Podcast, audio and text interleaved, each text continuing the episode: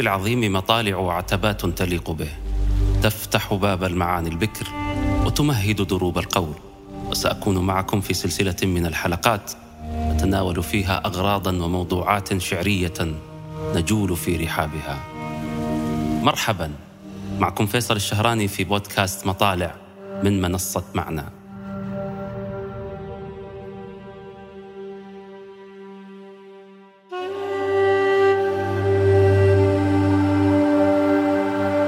أنا أضيع عهدك أم كيف أخلف وعدك؟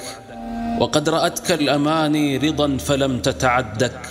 يا ليت ما لك عندي من الهوى لي عندك فطال ليلك بعدي كطول ليلي بعدك. سلني حياتي أهبها فلست أملك ردك. الدهر عبدي لما أصبحت في الحب عبدك. النسيب والتشبيب والحب والهوى والصبابة والعشق والشغف والتيم والتدليه.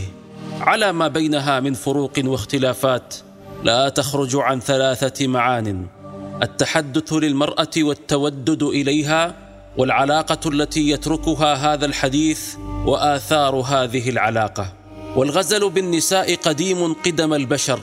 ولما كان الشعر لسان العرب وديوانها وبيانها وأعلى كلامها وأشده تاثيرا فقد عرفوا شعر الغزل وغلب على الجاهليين في شعرهم وصف جسد المرأة ولا يكادون يتركون شيئا فيها دون وصف ويذكرون مغامرتهم ومخاطرتهم في سبيل الوصول للحبيبة. ولقد دخلت على الفتاة الخدر في اليوم المطير الكاعب الحسناء ترفل في الدمقس وفي الحرير فدفعتها فتدافعت مشي القطاة إلى الغدير ولثمتها فتنفست كتنفس الظبي البهير. ما شف جسمي غير حبك فاهدئي عني وسيري. ولربما صوروا تعلقهم بالمرأة ضربا من ضروب المتاع الحسي كصنيع طرفة في معلقته وامرئ القيس.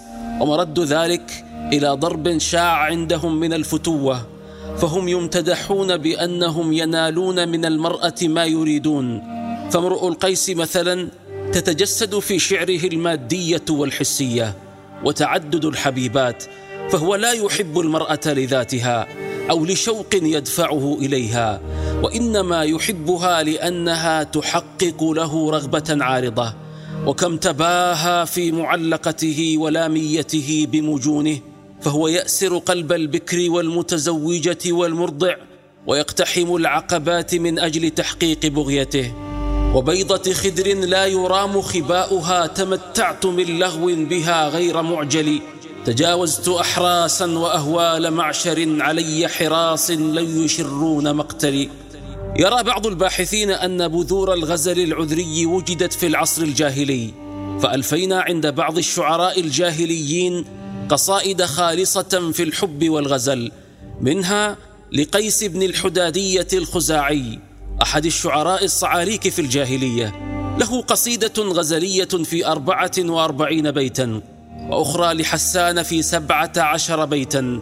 وتأمل قول النابغة في حبيبته نعم وقد أراني ونعم اللابثين معا والدهر والعيش لم يهم بإمرار أيام تخبرني نعم وأخبرها ما أكتم الناس من حاجي وأسراري لولا حبائل من نعم علقت بها لأقصر الحب عنها أي إقصار ومن العذريين الحجازيين الجاهليين الذين قضوا حياتهم يترنمون بحبيبة واحدة مسافر بن عمرو وكان نديما لأبي طالب عم النبي صلى الله عليه وسلم فإنه كان يحب هند ابنة عتبة وتبادله الحب.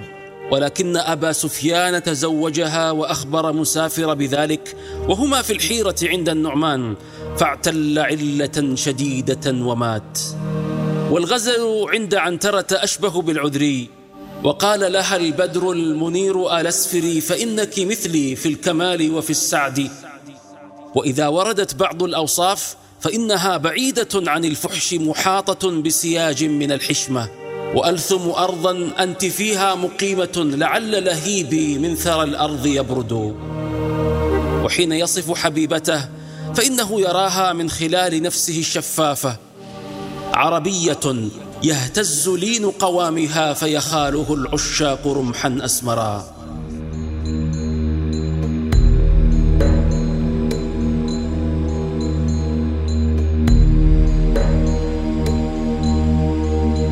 سئل رجل من بني عذرة وهي القبيلة التي ينسب لها الغزل العذري.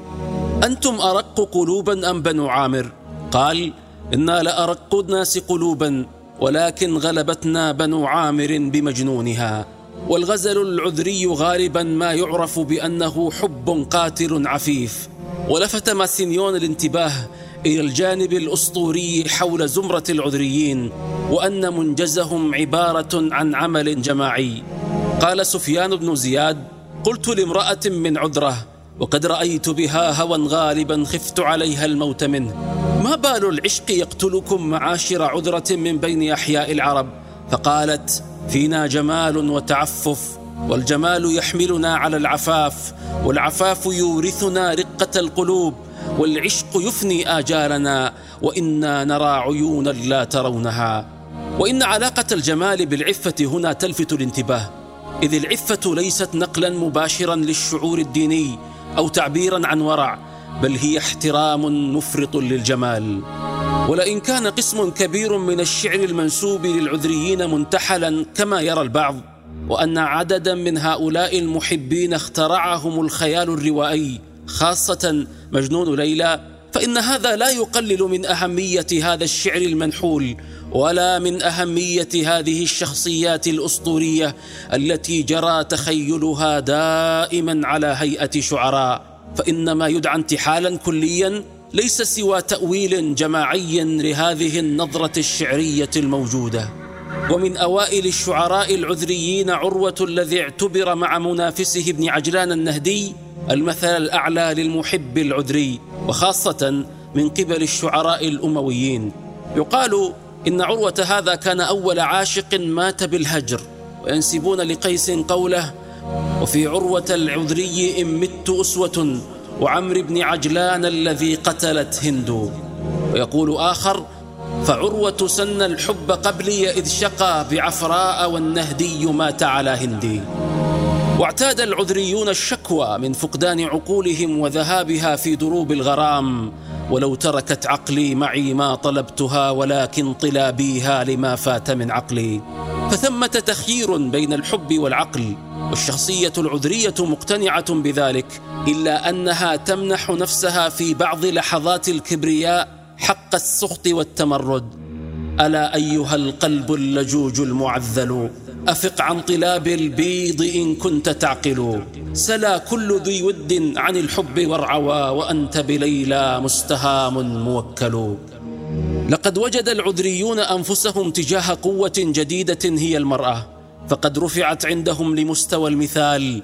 ومن البديهي هنا أن يكون هدف المحب الوصول لمحبوبته إلا أن الشريك بالنسبة للعذري ليس سوى ذاته الأخرى فالمحب يعتبر متطلبات المحبوبة متطلباته هو فكأن الإذعان للحبيبة فعل يتجاوز به المرء ذاته وهو فعل بطوري دون شك. إذا كان في الأحلام ما يشتهي الفتى فوالله ما الأحلام إلا غنائم. إذا استقبلتني الريح من نحو أرضها تنشقتها حتى ترق الخياشم. فإنك لو جربت تسهيد ليلة لقلت ألا طوبى لمن هو نائم. ولولاك لم آت الحجاز وأهلها ولم تزو عني بالعراق الكرائم. يطول علينا عد ما كان منكم لعمر أبي إني بذاك لعالم. تحمل عظيم الذنب ممن تحبه وإن كنت مظلوما فقل أنا ظالم. فإنك إلا تغفر الذنب في الهوى يفارقك من تهوى وأنفك راغم.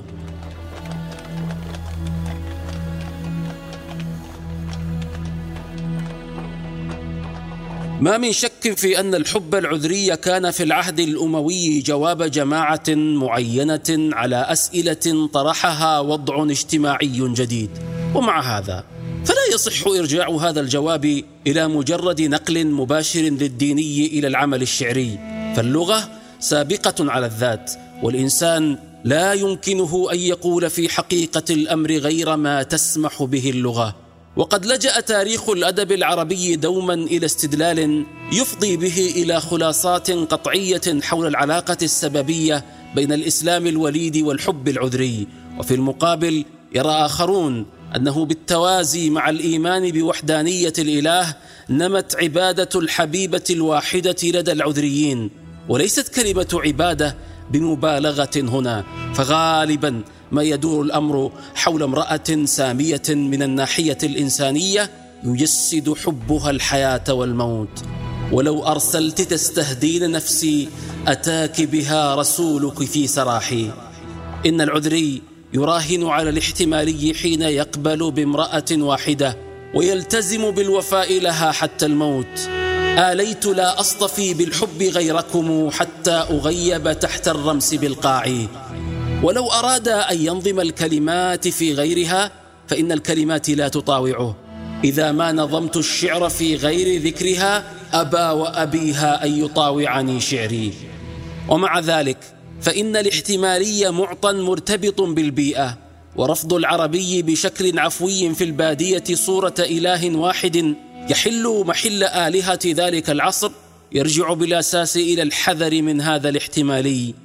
أراني إذا صليت يممت نحوها بوجهي وإن كان المصلى ورائيا وما بي إشراك ولكن حبها وعظم الجوى أعيا الطبيب المداويا. ومن أحد الأوجه الفعالة لخيال الشعر العذري اختراع عقبات لأنه لا بد من إذكاء نار الهوى دوما. يموت الهوى مني إذا ما لقيتها ويحيا إذا فارقتها فيعود. ومن فاعلية الشعر العذري أنه يمنح المحبوبة قدرة مذهلة على الإفلات من الزمن والاحتفاظ بالشباب الخالد بخلاف العاشق الذي يشيخ قبل الأوان. وإذ أنا أغيد غض الشباب أجر الرداء مع المئزر وإذ لمتي كجناح الغراب ترجل بالمسك والعنبر فغير ذلك ما تعلمين تغير ذا الزمن المنكر. وأنت كلؤلؤة المرزبان بماء شبابك لم تعصري قريبان مربعنا واحد فكيف كبرت ولم تكبري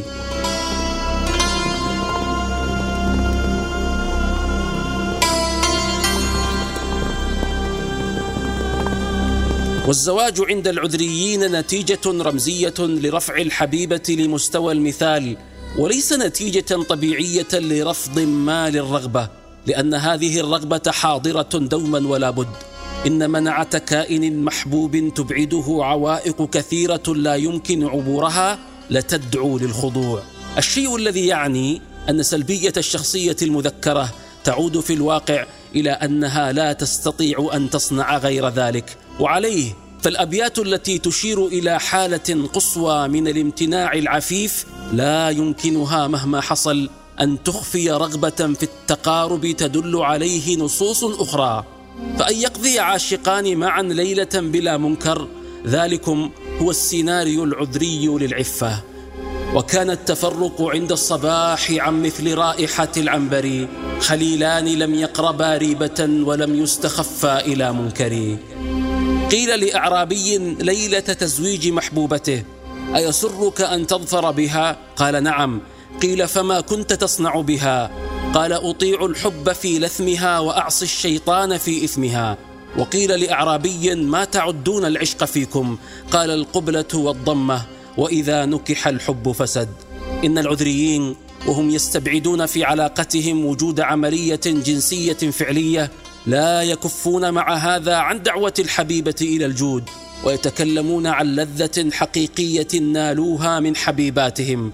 ومع أن الأمر غالبا يتعلق بالقبلة ونحوها إلا أنها قبلة قد تبلغ من الشهوانية درجة عالية. تجود علينا بالحديث وتارة تجود علينا بالرضاب من الثغر. وكذا وإني لمشتاق إلى ريح جيبها كما اشتاق إدريس إلى جنة الخلد. إن من أجل صفات العذريين وأظهرها رهافة الشعور والحساسية العالية. يزهدني في حب عبدة معشر قلوبهم فيها مخالفة قلبي. فقلت دعوا قلبي بما اختار وارتضى فبالقلب لا بالعين يبصر ذو اللب. وما تبصر العينان في موضع الهوى ولا تسمع الأذنان إلا من القلب. وما الحسن إلا كل حسن دعا الصبا وألف بين العشق والعاشق الصبي خرج الوليد يتصيد ذات يوم فصادت كلابه غزالا فأتي به. فقال خلوه فما رأيت أشبه منه جيدا وعينين بسلمى ولقد صدنا غزالا سانحا فأردنا ذبحه لما سنح. فتركناه ولولا حبكم فاعلمي ذاك لقد كان ذبح. أنت يا ظبي طليق آمن فاغد في الغزلان مسرورا ورح ويلتقي كثير وجميل ذات مرة. قال كثير يا جميل أترى بثينة لم تسمع بقولك؟ يقيك جميل كل سوء أماله لديك حديث أو إليك رسول. وقد قلت في حبي لكم وصبابتي محاسن شعر ذكرهن يطول. فما غاب عن عيني خيالك لحظة ولا زال عنها والخيال يزول. قال جميل أترى عزة لم تسمع بقولك يقول العدا يا عز قد حال دونكم شجاع على ظهر الطريق مصمم. فقلت لها والله لو كان دونكم جهنم ما راعت فؤادي جهنم. وكيف يروع القلب يا عز رائع ووجهك في الظلماء للسفر معلم. وما ظلمتك النفس يا عز في الهوى فلا تنقمي حبي فما فيه منقم. قالوا فبكيا قطعة من الليل ثم انصرفا.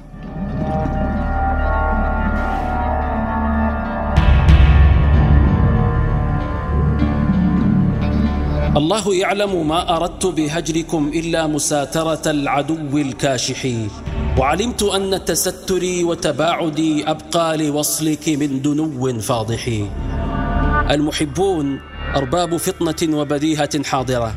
لهم لغة يعرفونها ويفهمونها حركات وإشارات وغمزات ولحظات. فلما تواقفنا وسلمت أشرقت وجوه زهاها الحسن أن تتقنعا. تبالهن بالعرفان لما رأينني وقلنا امرؤ باغ أكل وأوضعا أغرت عزة بثينة صاحبة جميل أن تتصدى لكثير وتطمعه في نفسها حتى ترى وتسمع ما يجيبها به.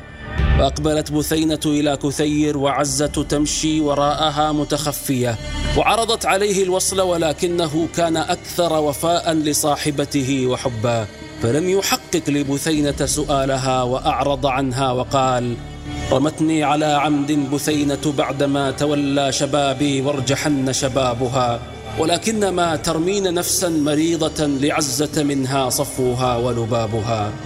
ويحتال العاشق في سبيل حبه ويحتاط وينظر ويقدر خليلي هل من حيلة تعلمانها يدني لنا تكليم ليلى احتمالها فإن أنتما لم تعلماها فلستما بأول باغ حاجة لا ينالها. حين حالوا بين قيس بن ذريح وحبيبته لبنى وجد به الوجد وبلغت به الصبابة حتى مرض وأعياه المرض قال له أبوه يا بني الله الله في نفسك فإنك ميت إن مت على هذا. فقال قيس وفي عروة العذري إن مت أسوة وعمر بن عجلان الذي قتلت هند. هذا الإصرار والعناد مع قوة العزم مستفيض عن العاشقين. فقد شكى أبو لبنى قيس للحاكم فأباح الحاكم دمه إن تعرض لها. ولما بلغ أباه الخبر عاتبه وقال له انتهى بك الأمر إلى أن يهدر الحاكم دمك فلم يعبأ قيس بلوم أبيه ولا بإهدار دمه. إن تك لبنى قد أتى دون قربها حجاب منيع ما إليه سبيل. فإن نسيم الجو يجمع بيننا ونبصر قرن الشمس حين تزول وأرواحنا بالليل في الحي تلتقي ونعلم أنا بالنهار نقيل وتجمعنا الأرض القرار وفوقنا سماء نرى فيها النجوم تجول ومن شدة الإصرار يكاد جميل يشتبك مع قوم بثينة بالحديد والسلاح ولست بناس أهلها حين أقبلوا وجالوا علينا بالسيوف وطوفوا وقالوا جميل بات في الحي عندها وقد جردوا أسيافهم ثم وقفوا. هممت وقد كادت مرارا تطلعت إلى حربهم نفسي وفي الكف مرهف وقد فاز مجنون ليلى بغاية الحب واصطلى بناره أتبكي على ليلى ونفسك باعدت مزارك من ليلى وشعباكما معا. فما حسن أن تأتي الأمر طائعا وتجزع عن داعي الصبابة أسمعا. قفا وادعا نجدا ومن حل بالحمى وقل لنجد عندنا أن يودعا الشاعر العذري شديد الوفاء لحبيبته. لا يبغي لها بدلا ولا يزول عنها حولا. ذكروا أن جميل سعى في رؤية بثينة ولكن أهلها علموا بقدومه فمنعوها فانصرف حزينا كئيبا. وعلم نساء الحي بذلك فأخذن يلمنه ويقرعنه ويغرينه بأنفسهن. وفيهن من هي أحسن منها فتنة وجمالا ولكن جميلا لا يأبه لهن وضاقت الدنيا بوجهه فكان يصعد ليلا على أكمة تطل على حي بثينة. أيا ريح الشمال أما تريني أهيم وأنني باد النحول. هبي لي نسمة من ريح بثن ومني بالهبوب على جميلي. وقولي يا بثينة حسب نفسي قليلك أو أقل من القليل. مرض قيس بن ذريح فظن أبوه أن الفرصة سانحة لصرفه عن لبنى فدس إليه فتيات الحي وكن بارعات الجمال ودخل إليه طبيب ليداويه والفتيات يحادثنه ويطلن السؤال عن سبب علته فلم يلتفت لهن. عيد قيس من حب لبنى ولبنى داء قيس والحب داء شديد. وإذا عادني العوائد يوما قالت العين لا أرى من أريد. ليت لبنى تعودني ثم أقضي إنها لا تعود في من يعود. ويح قيس لقد تضمن منها داء خبل فالقلب منه عميد. أما الأمكنة أو المواضع التي اعتاد المحبون أن يلقوا فيها حبيباتهم فمن أهمها مواطن رعي الغنم. تعلقت ليلى وهي غر صغيرة ولم يبدو للأتراب من ثديها حجم. صغيرين نرعى البهم يا ليت أننا إلى اليوم لم نكبر ولم تكبر البهم. وابن ميادة خرج يبغي إبلا له حتى أتى جبارا فدخل بيتا فوجد فيه عجوزا قد أسنت. وأدخلته بيتها لتقريه فإذا بنت لها قد هتكت الستر فراعه جمالها وأخذ يشبب بها. نظرنا فهاجتنا على الشوق والهوى لزينب نار أوقدت بجبار كأن سناها لاح لي من خصاصة على غير قصد والمطي سوار. وجميل بن معمر كان يرعى إبله بواد يقال له بغيض فاضطجع وأرسل إبله تذهب حيث تشاء ومرت بثينة وجارة لها تردان الماء. وشاء لها العبث أن تنفر فصالا من إبل جميل فسبته فملح إليه سبابها. وأول ما قاد المودة بيننا بوادي بغيض يا بثين سباب. وقلنا لها قولا فجاءت بمثله لكل كلام يا بثين جواب.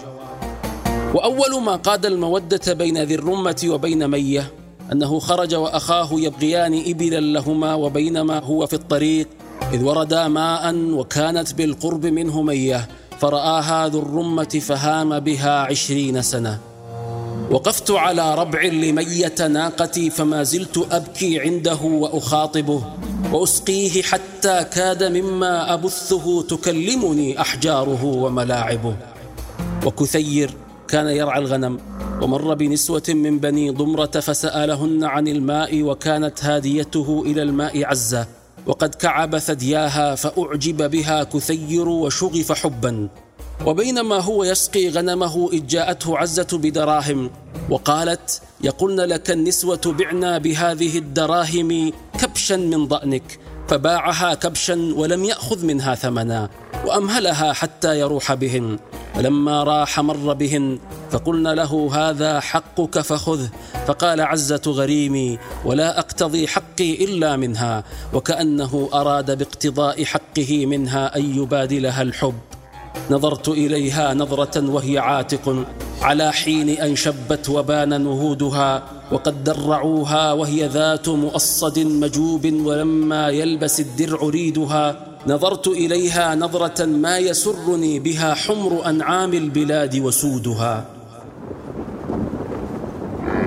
واستغل الشعراء مواسم الحج والأسواق فنثروا الغرام ونشروا الهيام. تمام الحج أن تقف المطايا على خرقاء واضعة اللثام. حدث أحدهم قال خرجت حاجا فرأيت امرأة جميلة تتكلم بكلام رفثت فيه فأدنيت ناقتي منها ثم قلت لها يا أمة الله ألست حاجة؟ أما تخافين الله؟ فسفرت عن وجه يبهر الشمس حسنا. وقالت تأمل يا عم فإني ممن عن العرجي بقوله من اللائي لم يحججن يبغين حسبة ولكن ليقتلن البريء المغفلا وكان عبد الملك ابن عبد العزيز السلولي من شعراء اليمامة يهوى امرأة يقال لها سعدا وذات مرة لقيها راحلة نحو مكة حاجة فأخذ بخطام بعيرها وقال قل للتي بكرت تريد رحيلا. للحج إذ وجدت إليه سبيلا. ما تصنعين بحجة أو عمرة لا تقبلان وقد قتلت قتيلا. أحيي قتيلك ثم حجي وانسكي فيكون حجك طاهرا مقبولا. وكان أبو نواس يحب جنان جارية آل عبد الوهاب بن عبد المجيد الثقفي. وقيل له يوما إن جنان عزمت على الحج فقال أما والله لا يفوتني المسير معها عامي هذا إن أقامت على عزيمتها. وقد أقامت على عزيمتها ولم يفت أبا نواس المسير معها. ألم تر أنني أفنيت عمري بمطلبها ومطلبها عسير فلما لم أجد سببا إليها يقربني وأعيتني الأمور. حججت وقلت قد حج الظلوم فيجمعني وإياها المسير. وجلس نسوة قريبا من المسجد الحرام وأخذن يتذاكرن الشعر والشعراء فقالت إحداهن قاتل الله جميلا حيث يقول وبين الصفا والمروتين ذكرتكم بمختلف ما بين ساع وموجف وعند طوافي قد ذكرتك ذكرة هي الموت بل كادت على الموت تضعف. قالت الأخرى بل قاتل الله كثيرا حيث يقول طلعن علينا بين مروة والصفا يمرن على البطحاء مور السحائب. فكدن لعمر الله يحدثن فتنة لمختشع من خشية الله تائب. قالت الأخرى قاتل الله نصيبا حيث يقول ألام على ليلى ولو أستطيعها وحرمة ما بين البنية والستر. لملت على ليلى بنفسي ميلة ولو كان في يوم التحالق والنحر. ومن الأماكن التي كانت مسرحا لكثير من شعر الغزل مجالس الملوك والخلفاء والكبراء وعلية الناس. فهذا مجلس امرأة من بني أمية يحضره شعراء ثلاثة أصيب والأحوص وكثير. ويحضره وصائف ورجال من الموالي ونساء بارزات. وكان أن تذاكر الرجال والنساء ألوانا من شعر الغزل. وكان أن قالت المرأة لجارية لها ذات جمال خذي ويحك بقول أبي محجن ألا هل من البين المفرق من بد وهل مثل أيام بمنقطع السعد؟ تمنيت أيامي أولئك والمنى على عهد عاد ما تعيد ولا تبدي.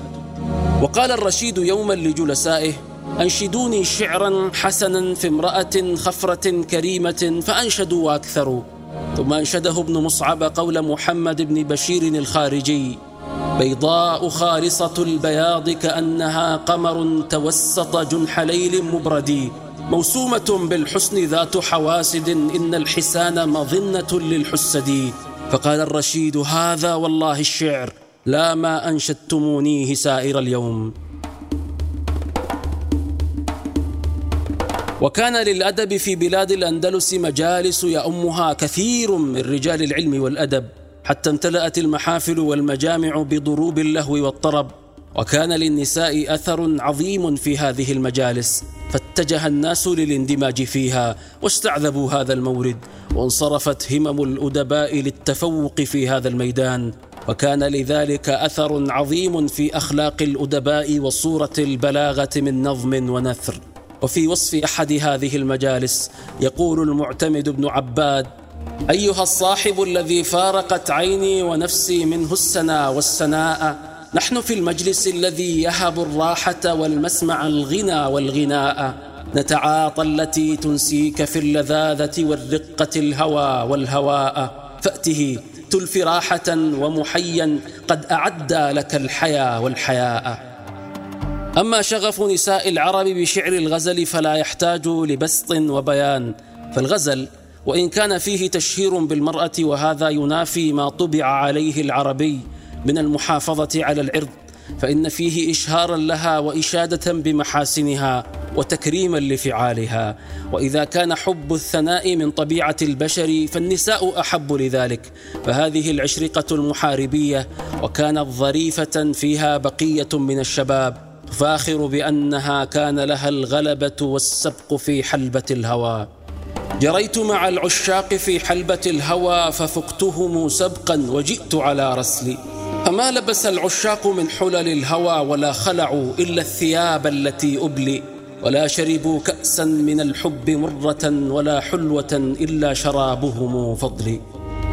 ويوم مات عمر بن أبي ربيعة بكاه نساء مكة بكاء شديدا وقالت إحداهن من لمكة وشعابها وأباطحها ووصف نسائها وحسنهن وجمالهن؟ فقيل لها هوني عليك فقد نشأ فتى من ولد عثمان يعنون العرجي يأخذ مأخذه ويسلك مسلكه. فقالت أنشدوني من شعره فأنشدوها فمسحت عينيها وضحكت وقالت الحمد لله الذي لم يضيع حرمه. ومات كثير كما مات عكرمة مولى بن عباس في يوم واحد فاجتمعت قريش في جنازة كثير ولم يجدوا لعكرمة من يحمله. وحين مات مجنون بني عامر قالوا لم تبق فتاة إلا خرجت حاسرة صارخة تندبه واجتمع فتيان الحي يبكون عليه أحر البكاء وحضرهم حي ليلى معزين وأبوها معهم فكان أشد القوم جزعا وبكاء عليه وجعل يقول ما علمت أن الأمر يبلغ كل هذا. ولكني كنت امرأ عربيا أخاف من العار وقبح الأحدوثة ما يخافه غيري فزوجتها وخرجت عن يدي. ولو علمت أن أمره يجري على هذا ما أخرجتها عن يدي ولا احتملت ما كان علي في ذلك. وما رؤي يوم كان أكثر باكية وباكيا على ميت من يومئذ. وكذلك فعل النساء حين مات جميل ونعاه الناعي. صدع النعي وما كنا بجميل وثواب مصر ثواء غير قفول. ولقد أجر الذيل في وادي القرى نشوان بين مزارع ونخيل. بكر النعي بفارس ذي همة بطل إذا حم اللقاء مذيل. قومي بثينة فاندبي بعويل. وابكي خليلك دون كل خليل. وما سمعت بثينة نعي الناعي حتى أتته حزينة باكية وقالت يا هذا والله لئن كنت صادقا لقد قتلتني ولئن كنت كاذبا لقد فضحتني فأخرج إليها حلته فلما رأتها صاحت بأعلى صوتها وصكت وجهها واجتمع نساء الحي يبكين معها. وإن سلوي عن جميل لساعة من الدهر ما حانت ولا حان حينها. سواء علينا يا جميل ابن معمر إذا مت بأساء الحياة ولينها. تطور شعر الغزل تطورا كبيرا حتى أن المرأة الحرة الكريمة لم تعد موضوعة وإنما أصبح موضوعه الإماء والجواري. وقد أذاعوا فيه الدعوة إلى التهتك والخلاعة. لا يؤنسنك من مخبأة قول تغلظه وإن قبحا. عسر النساء إلى مياسرة والصعب يمكن بعدما جمحا. وأخيرا أسرق من البحتري خاتمة جميلة لما نحن فيه. ألا هل أتاها بالمغيب سلامي؟ وهل خبرت وجدي بها وغرامي؟ وهل علمت أني ضنيت وأنها شفائي من داء الضنا وسقامي؟ ومهزوزة هز القضيب إذا مشت تثنت على دل وحسن قوام أحلت دمي من غير جرم وحرمت بلا سبب يوم اللقاء كلامي. فداؤك ما أبقيت مني فإنه حشاشة نفس في نحول عظامي. صلي مغرما قد واصل الشوق دمعه سجاما على الخدين بعد سجام فليس الذي حللته بمحلل وليس الذي حرمته بحرام وإني لأباء على كل لائم عليك وعصاء لكل ملام وكنت إذا حدثت نفسي بسلوة خلعت عذاري أو فضضت لجامي وأسبلت أثوابي لكل عظيمة وشمرت من أخرى لكل غرام هل العيش إلا ماء كرم مصفق يرقرقه في الكأس ماء غمام شكرا لكم. ألقاكم في حلقة أخرى إن شاء الله.